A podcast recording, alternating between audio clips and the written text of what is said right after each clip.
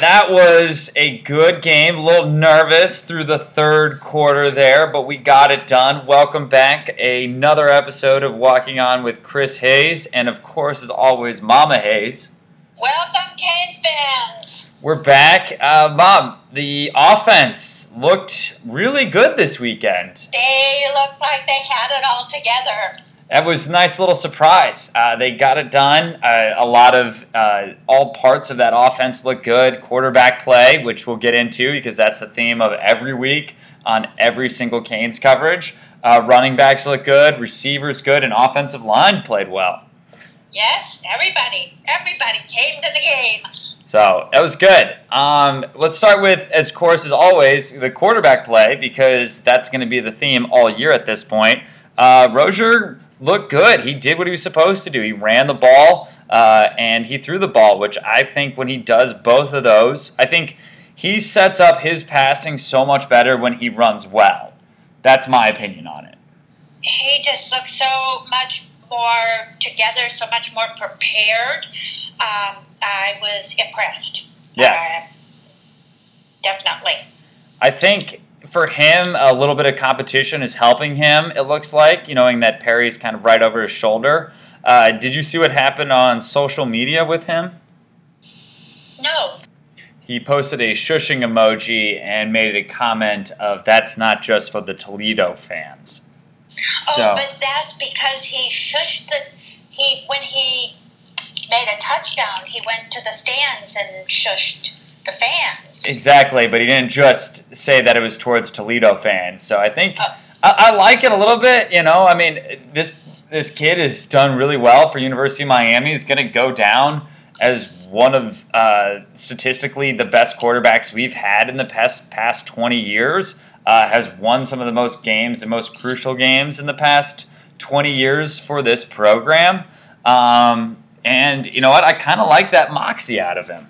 Yes, it's cheeky. I love it. It's de- it's- It's definitely University of Miami, that's for sure. yes. So well, and he even threw a block for Thomas.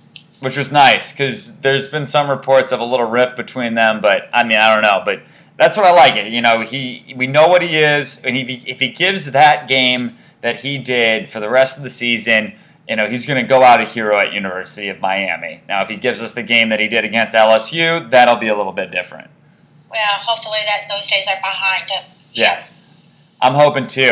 Uh, the other one is we saw Perry a little bit, uh, other than just hand it off a few times. I know last week we talked about maybe seeing him in some meaningful action, but nothing so far. So, you know, I mean, they're willing to go to him at some point, I think, but right now it's still Rosier's job.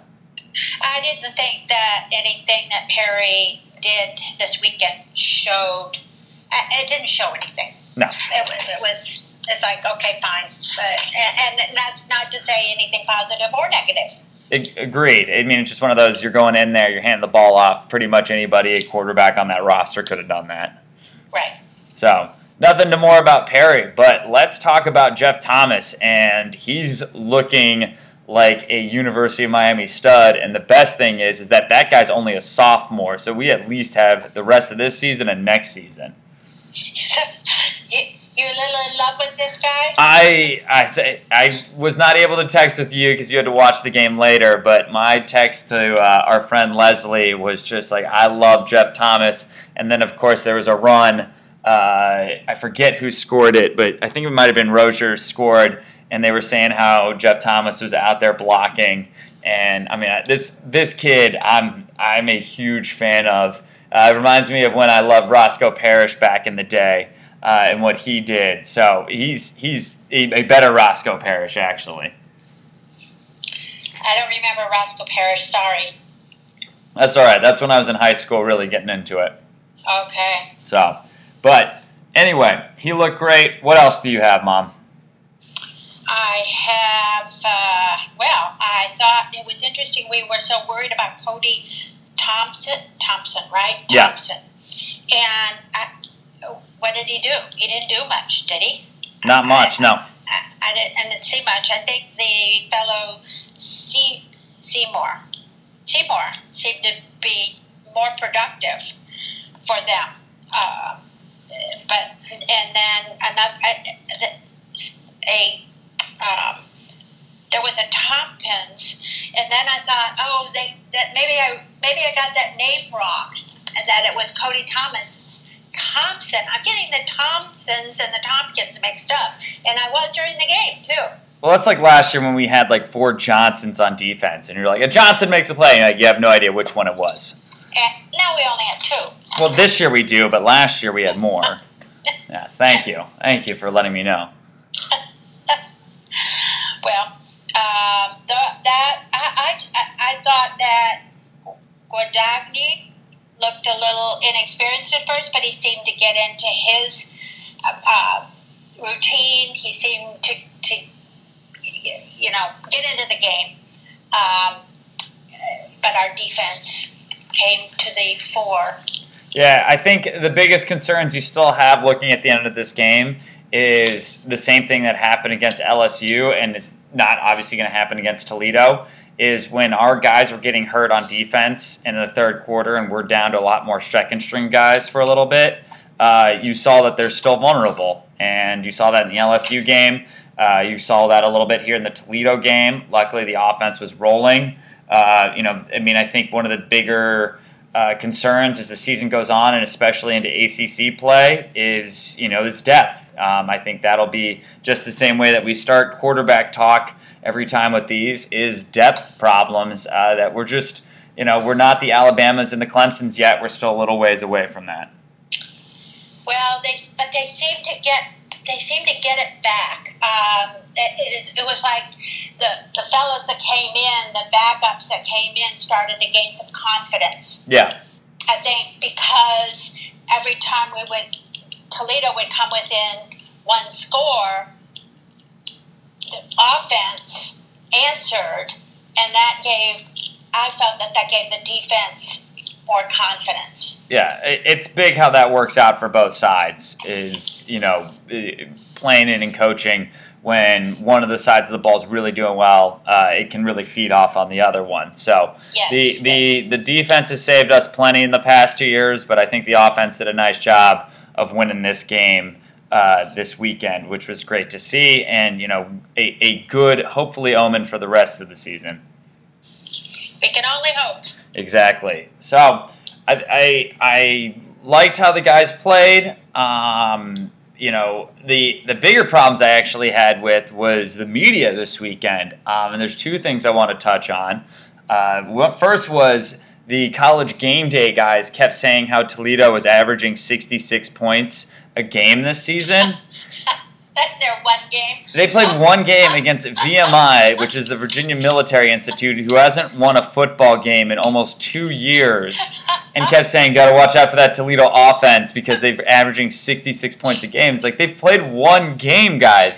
Do a little bit more research. Like, there's got to be a producer somewhere on that. So that drove me nuts.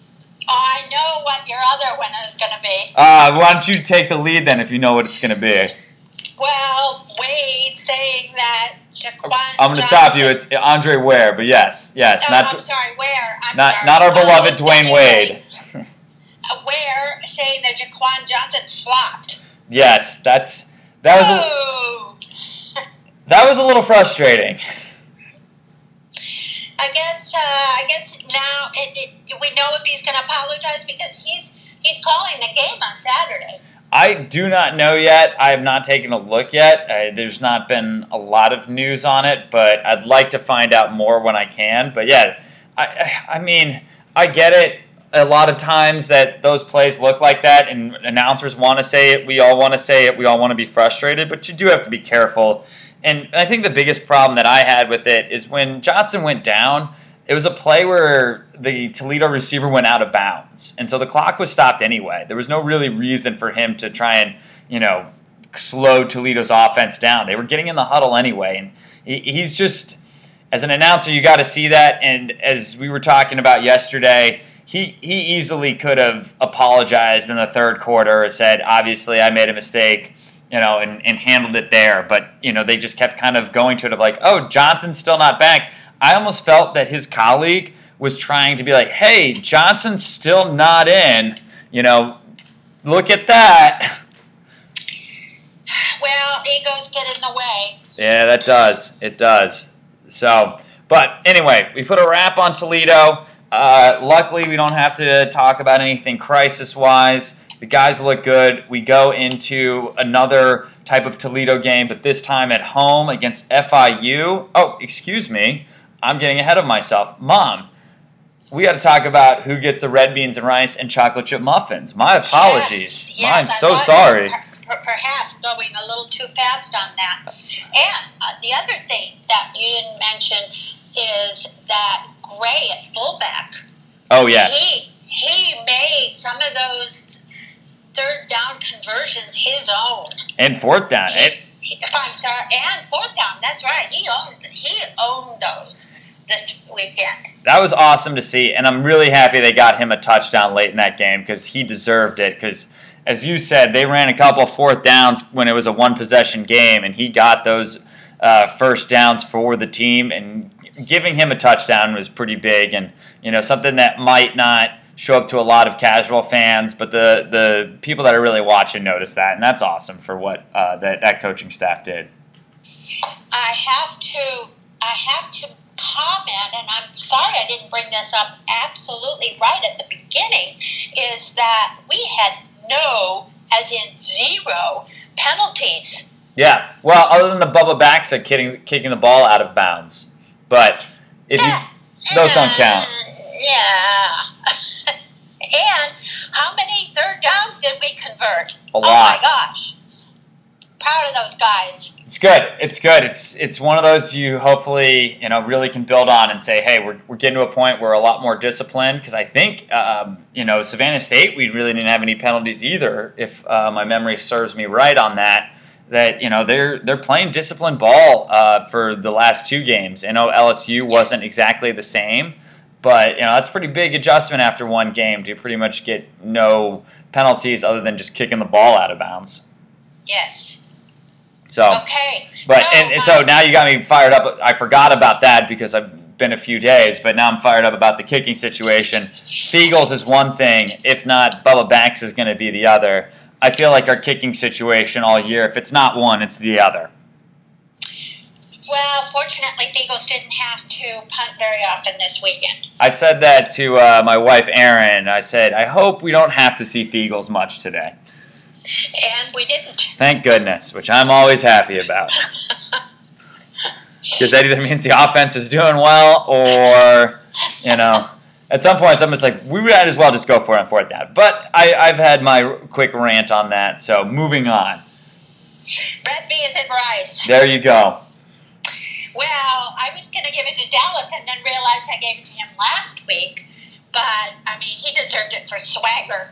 Yes. Like we like we talked about earlier, but um, I I've given it to Rosier, and the reason is because he had no interceptions, and I said two weeks ago or three weeks ago, if he would have a game with no interceptions, he would get the red beans and rice, and by golly, he did it. There you go. So he deserves it, and he should. I mean, he played a great game this weekend. So um, His completions.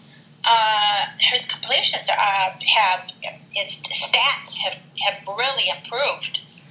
Yes, for sure. And he's, I mean, again, we get that Rosier all year, the rest of this year. He goes out a hero, like I said earlier. So, Well, and he kept his poise when Toledo did come back.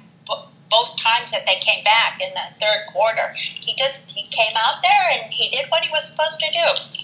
And I think that's one of the reasons they're keeping him in because a young quarterback, yeah, Perry's got the better raw talent than Rosier does, but just the experience of that of like, hey, you know, a team on the road's coming back and Rosier just settles the team down. You know, you go in there and Perry's playing that game. That, that could change really quickly with a bad read and a lot more pressure on him. So I think some of that plays in of why Rosier is still our quarterback. Well, okay, Willis is my Muffin Man this week. I know you liked him a couple weeks ago, but I like him. I like him this week. Yeah, He had he had um, I think it was three tackles for losses. I, I'm sorry I can't find that statistic, but I thought it was three, and he's had seven of fourteen on the season have been for losses. That's pretty good, especially from that D tackle position, which is tough to do. Uh, you're mainly in there to kind of blow up the run and all that.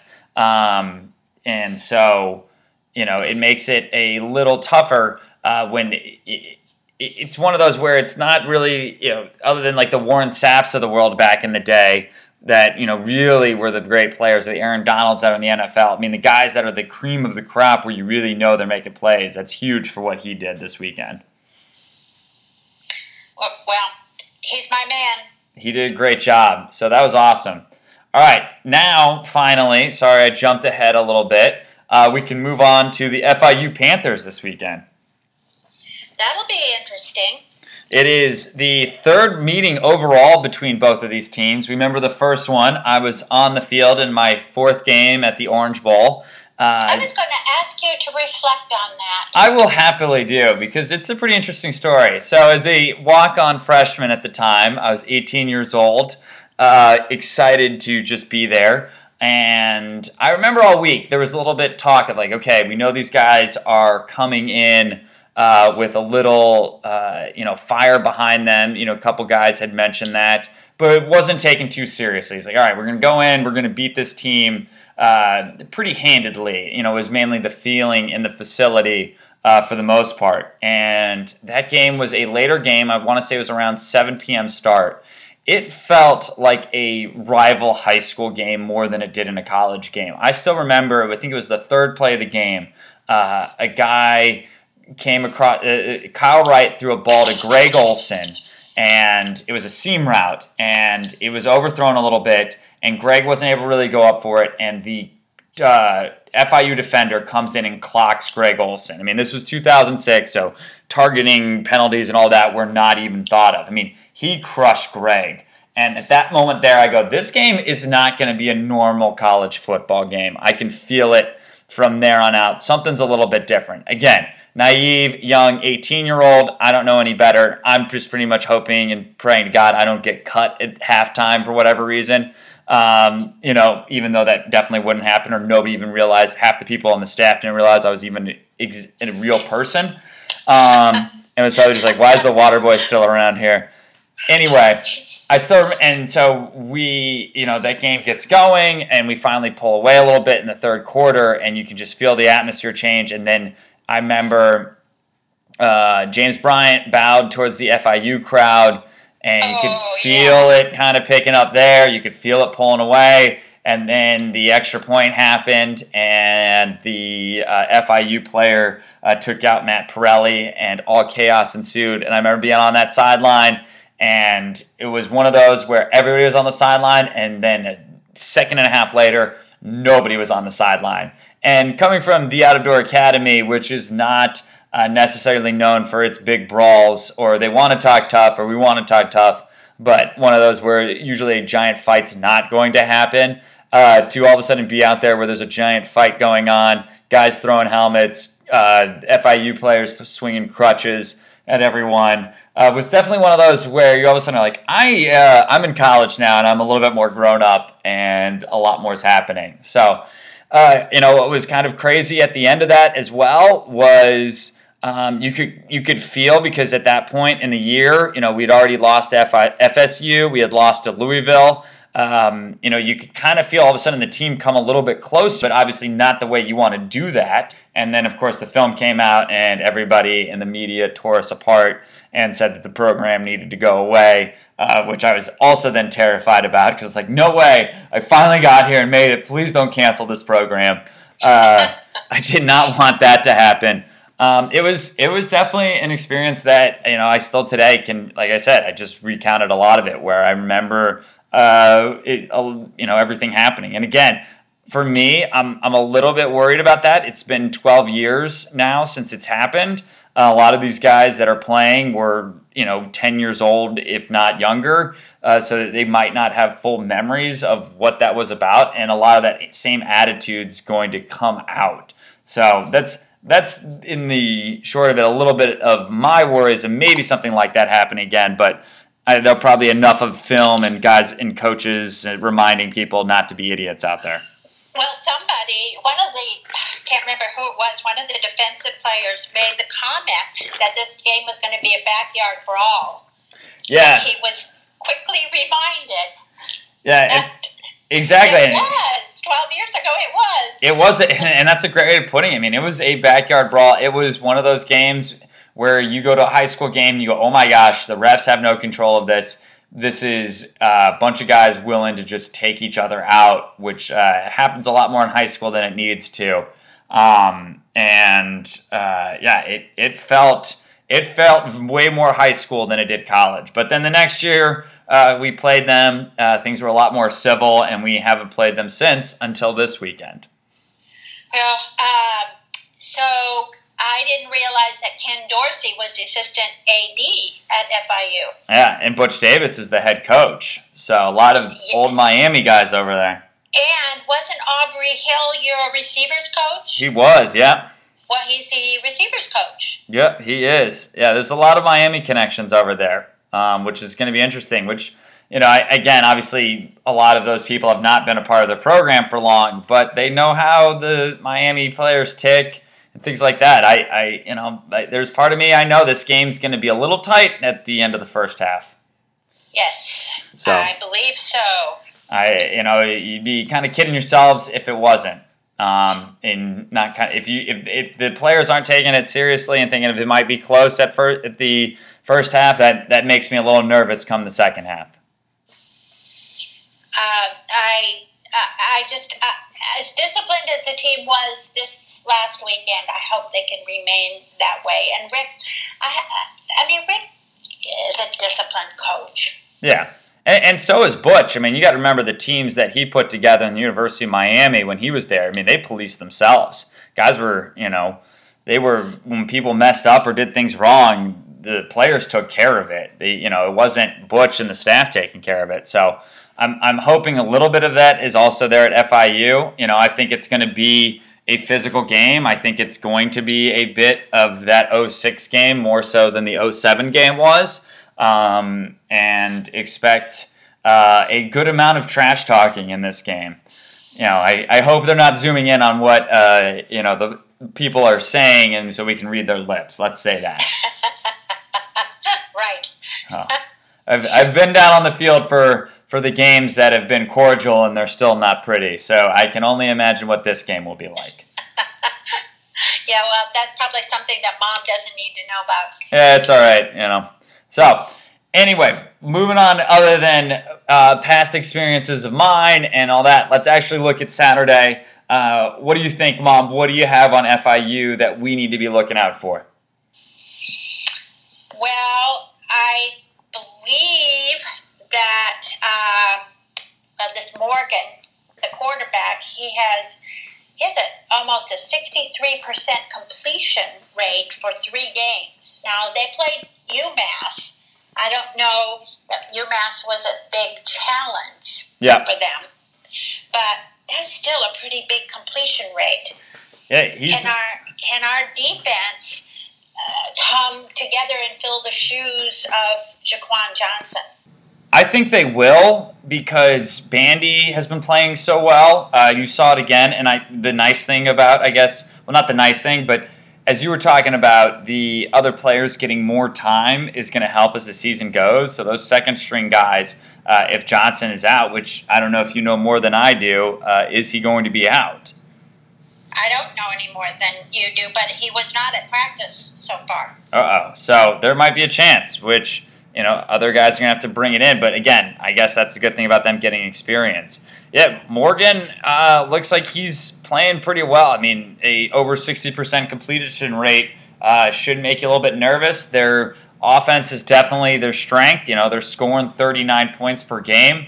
Um, and, you know, they're, they're, they're doing a nice job. And again, I expect them to come out fast and uh, put us, us on our heels a little bit.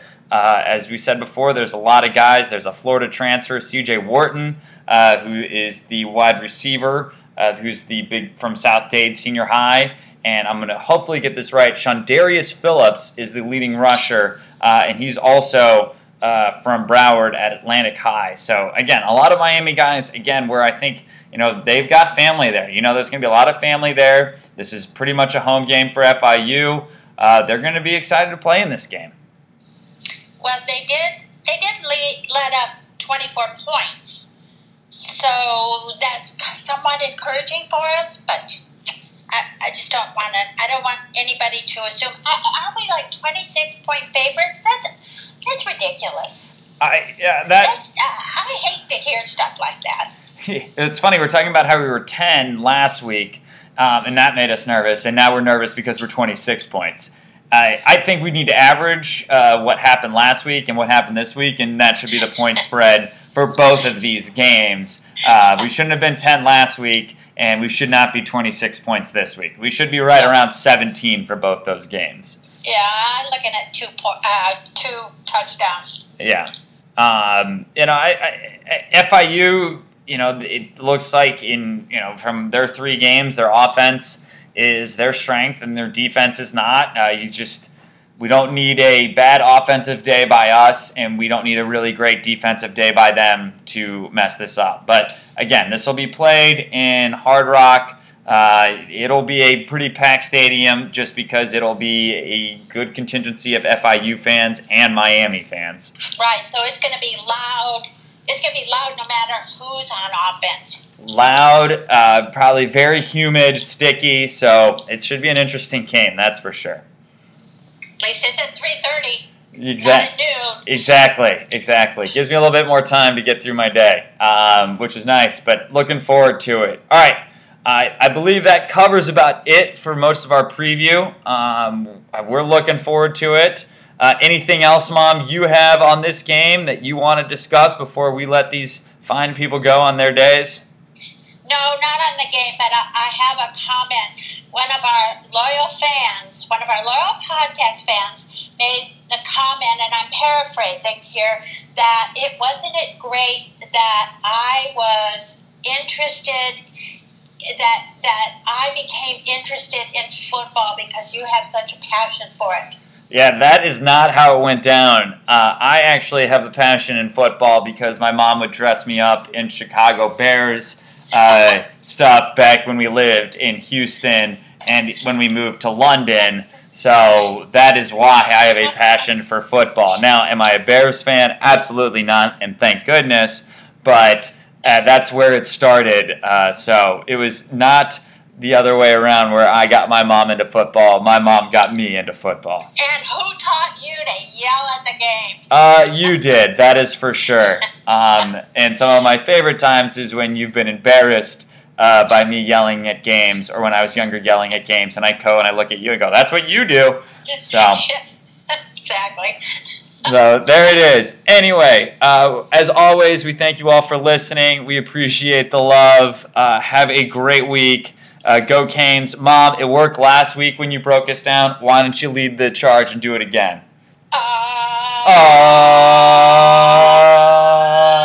Uh, C A N E S Canes. All right, that's two in a row. We're doing pretty well right now. Anyway, thank you for listening. Have a great week. Go Canes. Go Canes.